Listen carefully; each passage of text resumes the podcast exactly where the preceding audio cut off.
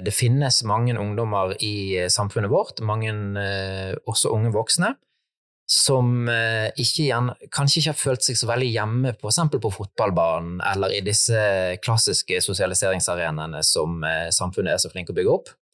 De har hatt behov for et sted å henge som tar deres interesser litt mer på alvor. Disse fantastiske fritidsinteressene som eh, organisasjonen Hyperion snakker om. Disse, eh, og da handler jo spillhuset litt om å lage et sted der disse ungdommene og unge voksne kan eh, møte opp, være seg sjøl fullt ut, føle seg velkommen, inkludert og sett. Det er noe som har manglet, og jeg mener det er en stor styrke for eh, byen Bergen, og etter hvert verden, selvfølgelig, vi skal jo ta over den. Og eh, kunne bygge opp rett og slett disse fotballbanene for de som aldri følte seg hjemme på fotballbanen, for å si det sånn.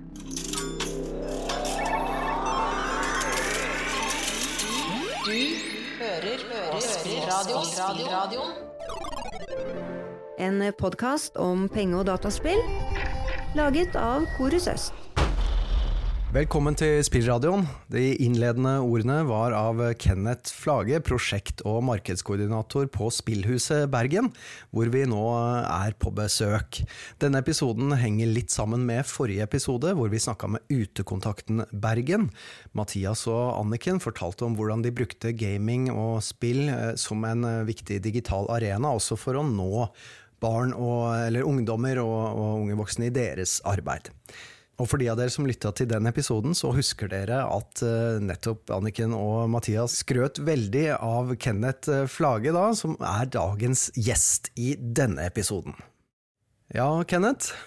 Jeg var selvfølgelig helt enig med all skryten deres. Uh, nei, selvfølgelig, det er litt ironisk, men uh, jeg satte veldig pris på, på det. Velkommen til Spillhuset. Tusen takk for det. Takk, takk. Bergens nye storstue for spill og spillkulturen. Og for et sted, for et uh, hus. Ja, Vi sitter jo nå i det såkalte fortidsrommet vårt. Vi har jo spillrom uh, som er da tematisert etter fortid, nåtid og fremtid. Uh, og det er jo litt for å for det første fange litt det originale uttrykket som var i dette bygget, da, det såkalte Gestapo-bygget som vi nå sitter i. Men det handler også om å skape gode, gode omgivelser rundt spillingen. Rett og slett uh, unngå det der med spillerom 1, 2 og 3 med hvite vegger og uh, sånt. Rett og slett skape gode spillerom der du kan føle deg litt som å sitte hjemme i sofaen. Akkurat nå sitter vi i fortidsrommet. Jeg håper ikke så veldig mange har uh, et rom som ser ut som det er fra 1700-tallet. Men du skaper i hvert fall gode, trygge og koselige rammer rundt det å spille og kose seg med venner og ukjente på spillhuset. Litt, litt av bakgrunnen for uh, hvorfor verden trenger Bergen et spillhus? For det første så er jo spill og spillkulturen veldig mye større enn samfunnet gir det cred for å være. Det finnes veldig mange gamere der ute, rollespillere, cosplayere og uh, all slags mulig andre magiske, nydelige aktiviteter eh, som er av den litt mer eh, Og nå sier jeg dette med all kjærlighet i verden, den litt mer nerdete sorten. Mm. Eh, de har hatt behov for en arena der de kan bare kose seg, for å si det på den måten. Vi prøver å fremme spillkulturen på en positiv måte her. Vi har massevis av aktiviteter som, eh, og foredrag. Nå Nylig hadde jeg et foredrag jeg kalte Gaming, en innføring for voksne.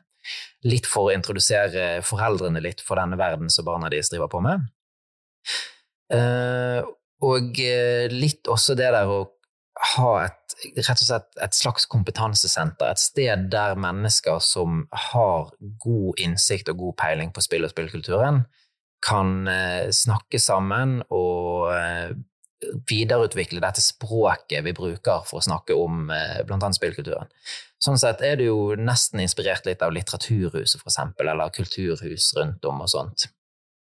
Anniken og Mathias, de er jo ansatt i Bergen kommune som en del av Utekontakten, men Spillhuset er ikke en del av Bergen kommune. Nei, eh, spillhuset er selvstendig. Spillhuset er en eh, Nå skal jeg ikke gå inn i de tekniske detaljene der, men spillhuset i seg selv handler eh, egentlig om eh, to etasjer. Den ene er et femte etasje, eller en sjette etasje på bygget her, der det sitter eh, kreativ næring. Rain Games og Inky Pan og Tidsreiser og en del andre sånne bedrifter som lager spill og eh, lager fantastiske aktiviteter rundt spillkultur. Eh, I denne etasjen, altså tredje etasje, sitter er da det, det som eh, er kjent som Spillhuset Bergen, altså Kulturhuset og den sosiale arenaen eh, vi er her. Det, vi er en forening og, eh, som da er finansiert delvis av Bergen kommune, delvis av midler fra Bufdir og Helsedirektoratet, delvis eh, basert på tilskudd fra eksempel fra Gjensidige-stiftelsen og Sparebanken Vest og eh, disse her eh, organisasjonene her. Og eh, Mm. litt finansiert, da for eksempel gjennom å eh, leie ut lokalet vårt. Det eh, ja, er noe vi prøver å bli litt Ja. flinkere på. Og litt kafédrift og konsulentvirksomhet og foredragsvirksomhet og sånt. Så hører jeg flere ganger Kenneth, du nevner dette er en sosial uh, arena, uh, og ikke eh, en sosialfaglig arena. Eh, kan du si litt om hvorfor dere kaller dere for en sosial arena, og ikke en sosialfaglig arena? Ja, eh, for oss er det et viktig skille.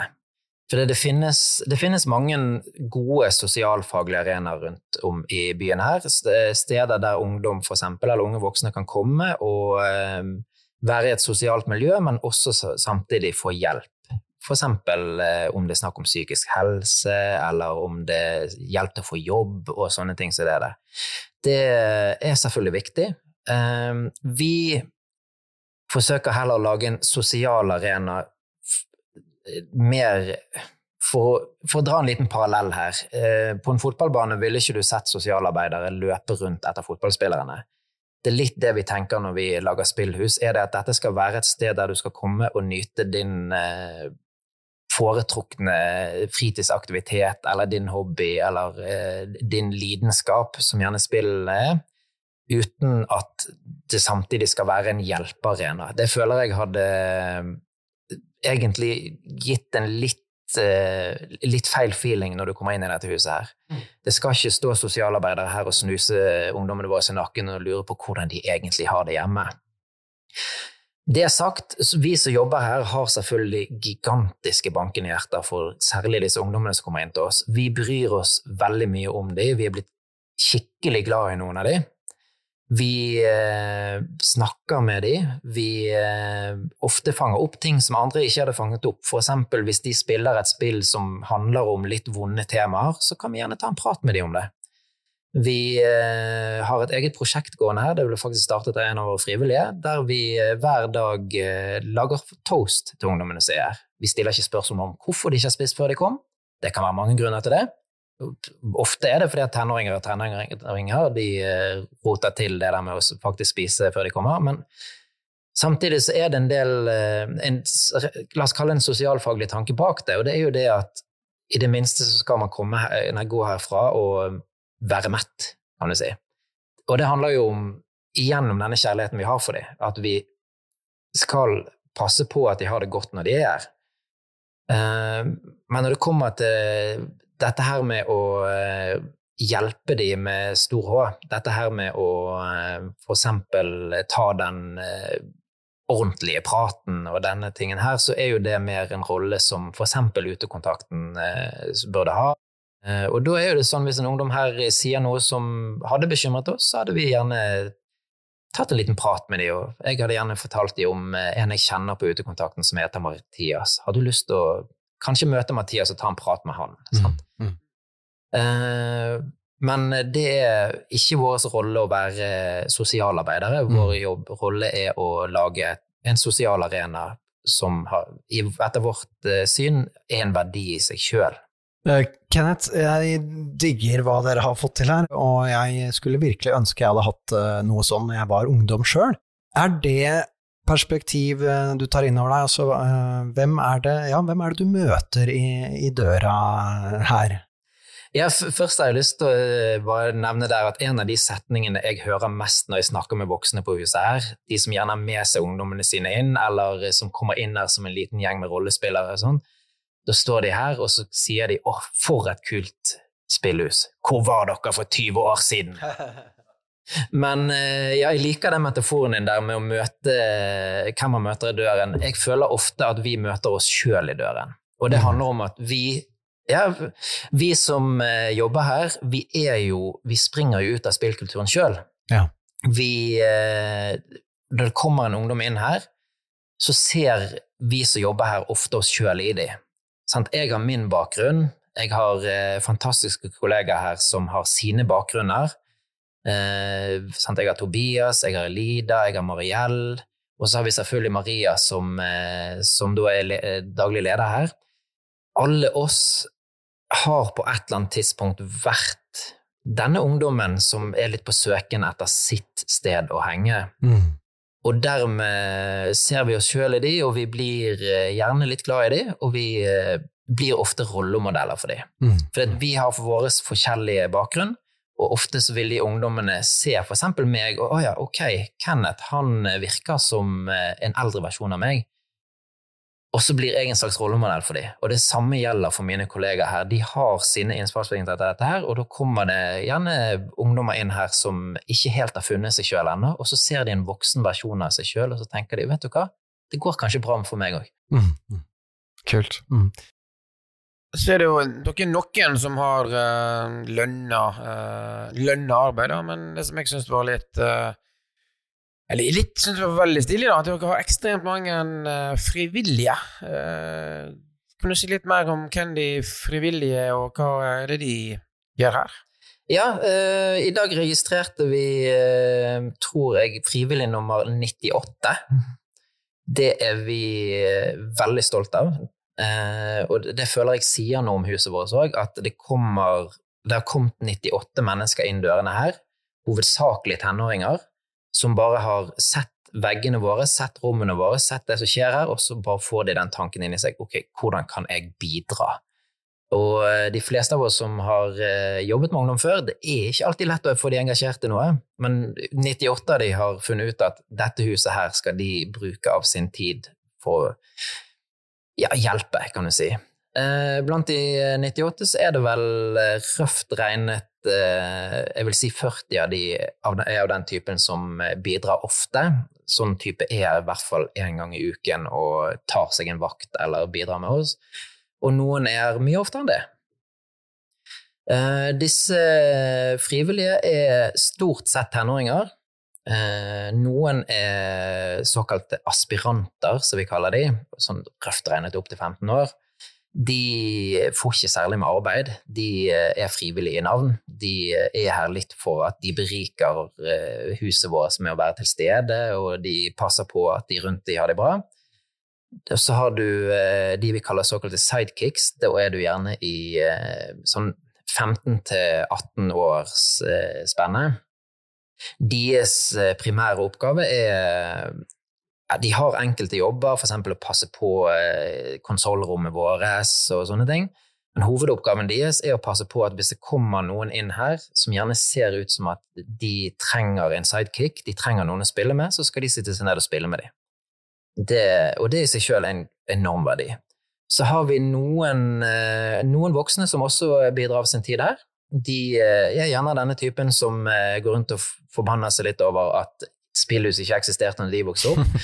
Så de, eh, de, får mer voksne jobber. De kan gjerne bemanne kafeen, eller hvis vi har et tyngre monteringsoppdrag, eller hvis vi skal transportere noe, eller sånne ting. Disse, mer, eh, disse tingene der du trenger å være litt voksen for å gjøre de, de eh, Og de er enormt verdifulle for oss, de òg. Og da selvfølgelig så eh, passer vi da på, selvfølgelig, når du har et sånt aldersspenn her, så må vi selvfølgelig også passe på at det ikke blir for mye overlapp der. sant? Er, da snakker vi gjerne sammen med oss voksne om at vi kan være vi kan være rollemodeller for disse tenåringene, men vi skal ikke bli vennene deres. Og det er selvfølgelig, det er så stygt å si, men det er ikke ment stygt. Det er mer det der at uh, disse tenåringene skal få ha sin sfære for seg sjøl, og så skal vi være de gode, voksne, trygge rollemodellene som sørger for at de har det godt.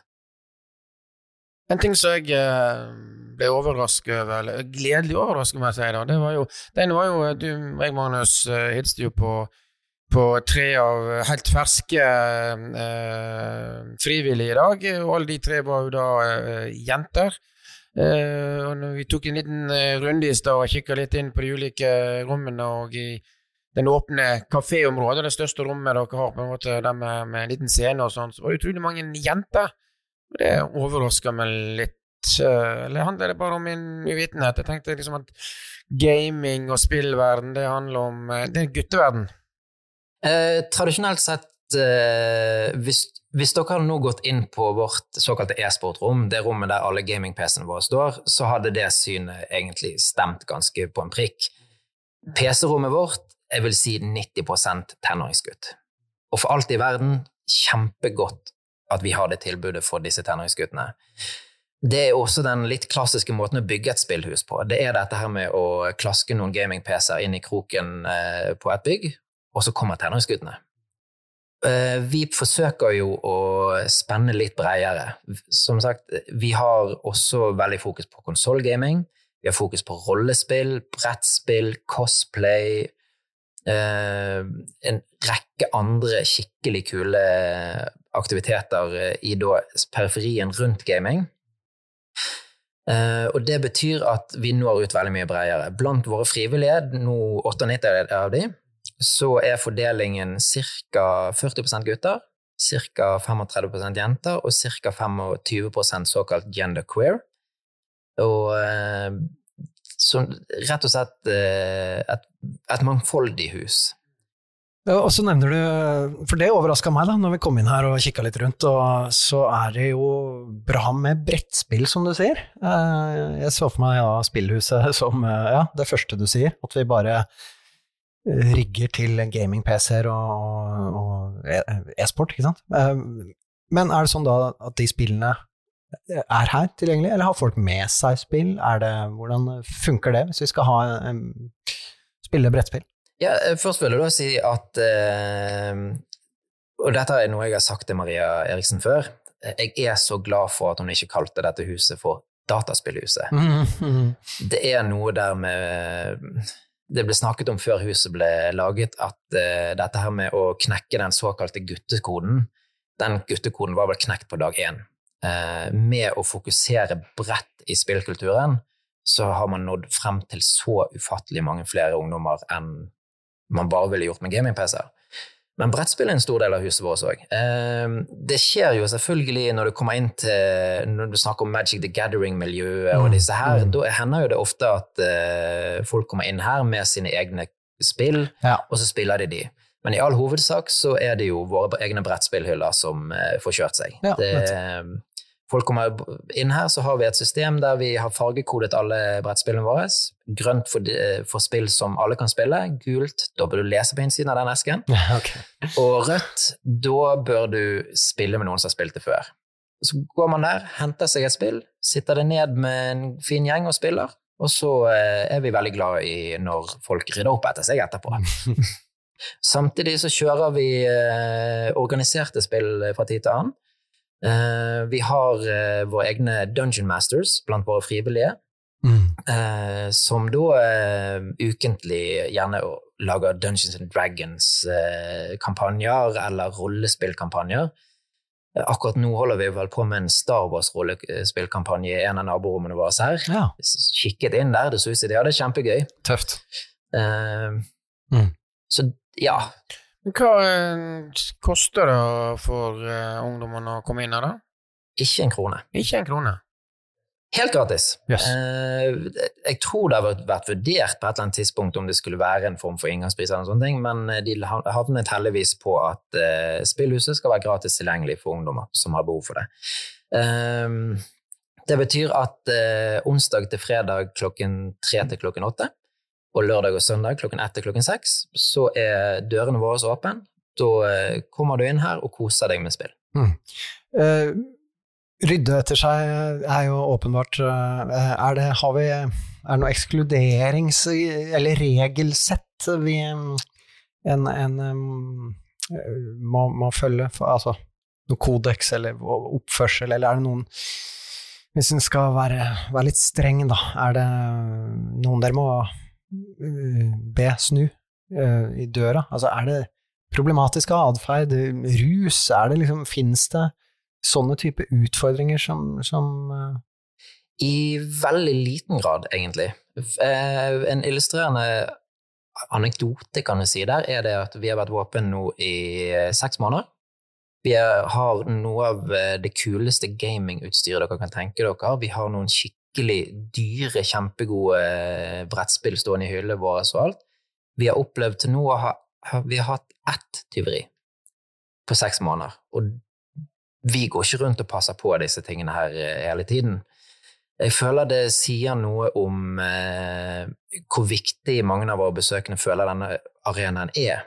De eh, de kommer inn her, og de skjønner at ok, her er det noe kult på gang. Her vil jeg heller bidra enn å bygge ned, eksempel. Så vi opplever at de fleste besøkende hos oss er flinke til å rydde etter seg. De eh, passer på hverandre, ikke minst, det er vi veldig glad for. Og de passer på at eh, spillhuset og det utstyret som vi har her, blir behandlet godt. Mm. Eh, litt tilbake til dette med at det er gratis. Altså Hvis dere har tatt inngangspenger det trenger kanskje ikke vært den, den store summen, men da, tenker du da at en del som ville bli ekskludert? Det er nettopp det. Eh, hadde vi tatt inngangspenger, så hadde vi fort blitt eh, et tilbud for de som har penger. Og det er jo selvfølgelig Det finnes mange sånne gode tilbud der ute, men for vår del så har det handlet om å inkludere flest mulig og ikke minst skape en arena for de som kanskje ikke hadde hatt råd. Uh, og vi, eh, vi, er I naborommet vårt her er e-sportrommet vårt, der uh, Gjensidigestiftelsen uh, bidro med masse midler, så vi fikk kjøpt inn noen skikkelig skikkelig råkule gaming-PC-er. Uh, og det som er så fint der, er det at for noen ungdommer som gjerne ikke har råd til gamingutstyr sjøl, de kan komme her på spillhuset, og så kan de få lov å spille med noe av det råeste som er på markedet. Og det er så fint å kunne tilby dem det. Uh, og da igjen, vi spør ikke om økonomien til de som kommer inn der, men vi skjønner på mange av de at litt av grunnen til at de er, er fordi at her får de brukt gamingutstyr som de ikke hadde hatt tilgang på sjøl. Eksempel i sommer så uh, var det mange ukrainske flyktninger som flittig tok i bruk spillhuset. Det var vi veldig glad for, for da har vi skapt en arena der de kunne fortsette å nyte sin gaming-hobby, til tross for at de var i en ganske kjip situasjon. Men er det da, eh, logger man på eksisterende spillhuset Steam-konto da, eller man, bruker man sin egen eh, Steam, eller hvordan sånn teknisk eh, få tilgang til spill? Vi bruker et system som heter GG-Leap. Det er egentlig ment for de klassiske eh, spillkafeene. Som da er bare det at vi har skrudd av selve betalingsbiten av det. Eh, så logger man seg inn på PC-en, får en egen bruker. Den styrer annet aldersgrensen og disse tingene her. Når det gjelder aldersgrenser hos oss, så følger vi de slavisk frem til en verge eller en forelder kommer inn og gir oss en tommel opp for at dette barnet kan få lov å spille noe som er eldre enn seg sjøl. Vi har selvfølgelig formeninger om eh, aldersgrenser, og noen av de er litt strengere enn de trenger å være på enkelte spill, men det er ikke et valg vi tar for eh, disse barna, det er foreldrene sin, sin rolle. Eh, når man først har logget inn, så får man eh, tilgang på eh, et rutenett med alle spillene vi har installert som er innenfor deres alderskategori. Men for å spille de, så må man bruke sin egen bruker, f.eks. i Steam eller Epic Games eller disse stedene her. Det betyr at eh, hvis du logger på her og spiller Fortnite, så når du logger av, så kan du gå hjem og fortsette den progresjonen din i din Fortnite-karakter. Samtidig så har vi eh, Vi på Spillhuset vi har noen eh, kopier av de fleste spillene sjøl, så vi kan eh, låne ut ved behov. Men vi opplever at de fleste ungdommene som kommer og spiller her, de har allerede en Fortnite-konto som de har jobbet hardt med lenge. Da vil jo de helst selvfølgelig spille på den. Og så nevner du foreldre og dette med samtykke. Og foreldre er, eh, det er jo en sentral gruppe, i hvert fall i, i vårt arbeid de siste åra har det vært, når vi har jobba si, eh, kompetansehevende tiltak om, om, gaming og dette med å ja, styrke forståelsen og dialogen rundt spill. Men, eh, hva du nevnte jo et foreldreforedrag. Eh, at dere har hatt den biten her også. Noe eh, kjempebra at dere, at dere, gjør det. Hva er det Ja, kommer det kommer det for, foreldre på disse mm, foredragene? Ja, det var ikke så veldig mange i den salen, men det ble til en veldig fin, intim samtale med engasjerte foreldre som lurte litt på hva er det kidsa Ja, mine egentlig driver ja. på med. Er det noen Eh, motstand der, eller? Er det Ikke så mye, egentlig. Eh, Jeg, jeg opplever at uh, samfunnet har skiftet litt der. Du, du skal ikke gå mange årene tilbake før uh, gaming var noe skummelt. Farligere enn narkotika, sto det i avisen? Uff. ja, sant, og det er ikke mange årene siden heller at de fleste journalister også hadde den eh, tilnærmingen til det. Sant? Var det et dataparty et sted, så gikk journalisten etter eh, den mest nerdete personen i, i, eh, i rommet, tok et bilde av mest sannsynlig han, og eh, vridde dette om til en eh, i gåseøyne nerder i pysjamas-vinkel. Samfunnet har beveget seg siden da, heldigvis. Eh, det vi opplever, er stort sett nysgjerrige foreldre. Vi opplever eh, rett og slett foreldre som ønsker å bli kjent med verden som barna deres er inkludert i. Og vi opplever også foreldre som aktivt tar del i, eh, i den verden. Vi, jeg har snakket med foreldre her som eh, har forteller nydelige historier om hvordan de plutselig fikk kontakt med barnet sitt fordi at de begynte å spille Genshin Impact sammen. Det er sånne ting som varmer, virkelig varmer hjertet mitt. For det er noe med ungdommer av den typen vi har her, altså ungdom eh, som gjerne er glad i disse litt mer nerdete aktivitetene, de tar interesse for deres kultur ofte som interesse for seg sjøl. Og hvis du viser kjærlighet til deres kultur, så vil de føle det som en kjærlighet til de. Og det, det er uendelig verdifullt. Men så samtidig så er det ikke så rart, for det, du ser for deg poden som eh, løper ut på fotballbanen og eh, virkelig elsker å spille fotball. Det er vel få måter å vise større kjærlighet for den poden enn at pappa står på siden og heier.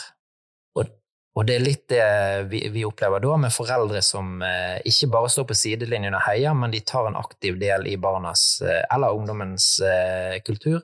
De foreldrene tror jeg opplever en Ja, rett og slett noe verdifullt sammen med, med barna sine.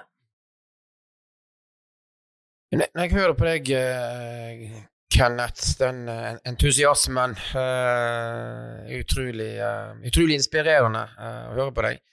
Og, og det um, livet vi både ser og hører litt nå i, i, i bakgrunnen, er jo helt fantastisk. Så, så eh, det er vel andre gang jeg er på, på spillhuset, og, og husker første gang jeg gikk inn døren her for 14 dager siden, eller noe sånt, så tenkte jeg ja, ja. eh, Men eh, jeg er blitt så positivt overraska hvor, hvor levende huset er, da. Eh, Så, så jeg tenker du først har muligheten, så er jo Det kan jo bli travelt for dere, da, men jeg tenker jo at, at både bergenseren, og nå er vi i Bergen her, bør jo kjenne sin besøkelsestid og, og se innom spillhuset.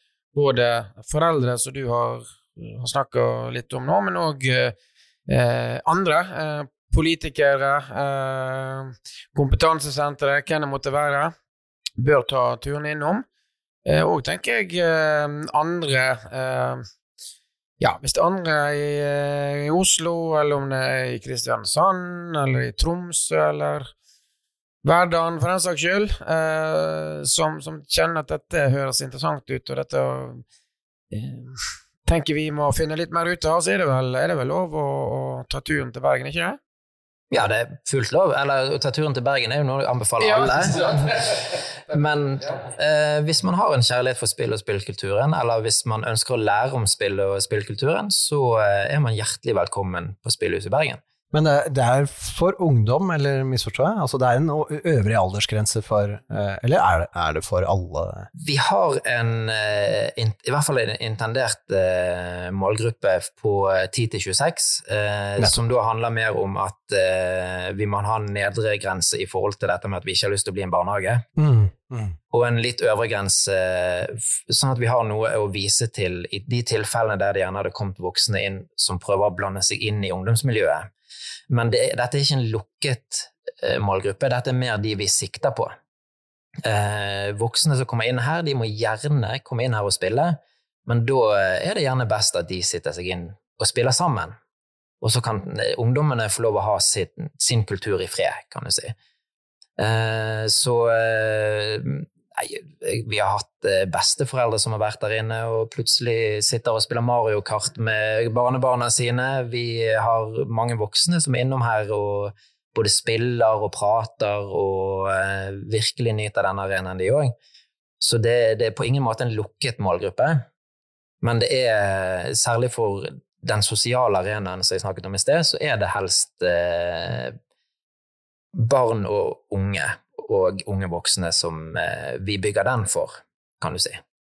Kenneth, får du spilt noe sjøl, da? Har du, noen, har du noen favoritter du må dra fram her på spillhuset og kose deg med? Vel, eh, jeg har eh, en liten setning jeg av og til må bruke, og det er det at jeg eh, Hadde ikke vært for at jeg får betalt for å spille, så hadde jeg aldri fått tid til å spille. Men det har jo også med at jeg på siden av å jobbe her, også er spilljournalist og spillanmelder annet i Bergens Tidende. Så der får jo jeg eh, spilt en del, rett og slett eh, få testet noen nye spill for, eh, for de. men på hjemmebane så spiller jeg ofte mye sammen med barna mine. Der er Nintendo en fantastisk konsoll. Ja plutselig eh, på lørdagskveld så sitter jeg med, med, datteren og sønnen. De to liker å krangle, ikke når vi spiller Nintendo. og gjerne noen venner av de, og så spiser vi lørdagsgodt, og eh, jeg mørbanker de i Super Smash Bros. Og selvfølgelig så er jeg veldig glad i historiedrevne spill. og The Last of Us-serien, for eksempel. Mm. Fantastisk spillserie der virkelig går rundt og hamrer meg i mellomgulv og drar ut de tårene av og til. Det er ikke for barn. Det er ikke for barn! Nei. Uh, ja, det er mange mange gøyale dataspill der ute som jeg burde spilt, men uh, jeg er veldig glad i de historiedrevne. De som, eh, der jeg sitter igjen etterpå og har blitt fortalt et skikkelig mesterverk av en historie. Da, er Kenneth en glad gutt. Ja. Jeg tenker, Magnus, at vi, eh, som de høflige personene vi er, eh, prøver å være i alle fall, eh, skal takke Kenneth og, og, og, og Spillhuset at vi fikk lov til å komme her i dag og, og lage den podkasten, episoden, for spilleradioen. Det har vært eh, helt topp å få, få, komme hit. Tusen takk, eh, Kenneth, og takk for at du kunne stille. Jo, jo, og takk for at uh, dere ville ha meg med. Jeg er uh, kanskje ikke overraskende veldig glad i å snakke om spill og spillkulturen, og jeg er ekstra glad i å snakke om spillhuset. det var det vi var ute etter. Ja, så det, sant? Ja. ja. Goodie. Ok, ja. vi hørs. Det gjør vi. Ønsker du mer informasjon om vårt arbeid knyttet til spillproblematikk? Besøk våre nettsider www.rus-ost.no. Takk for at du lyttet til denne episoden. Teknisk ansvarlig Magnus Eidem ved Korus Øst.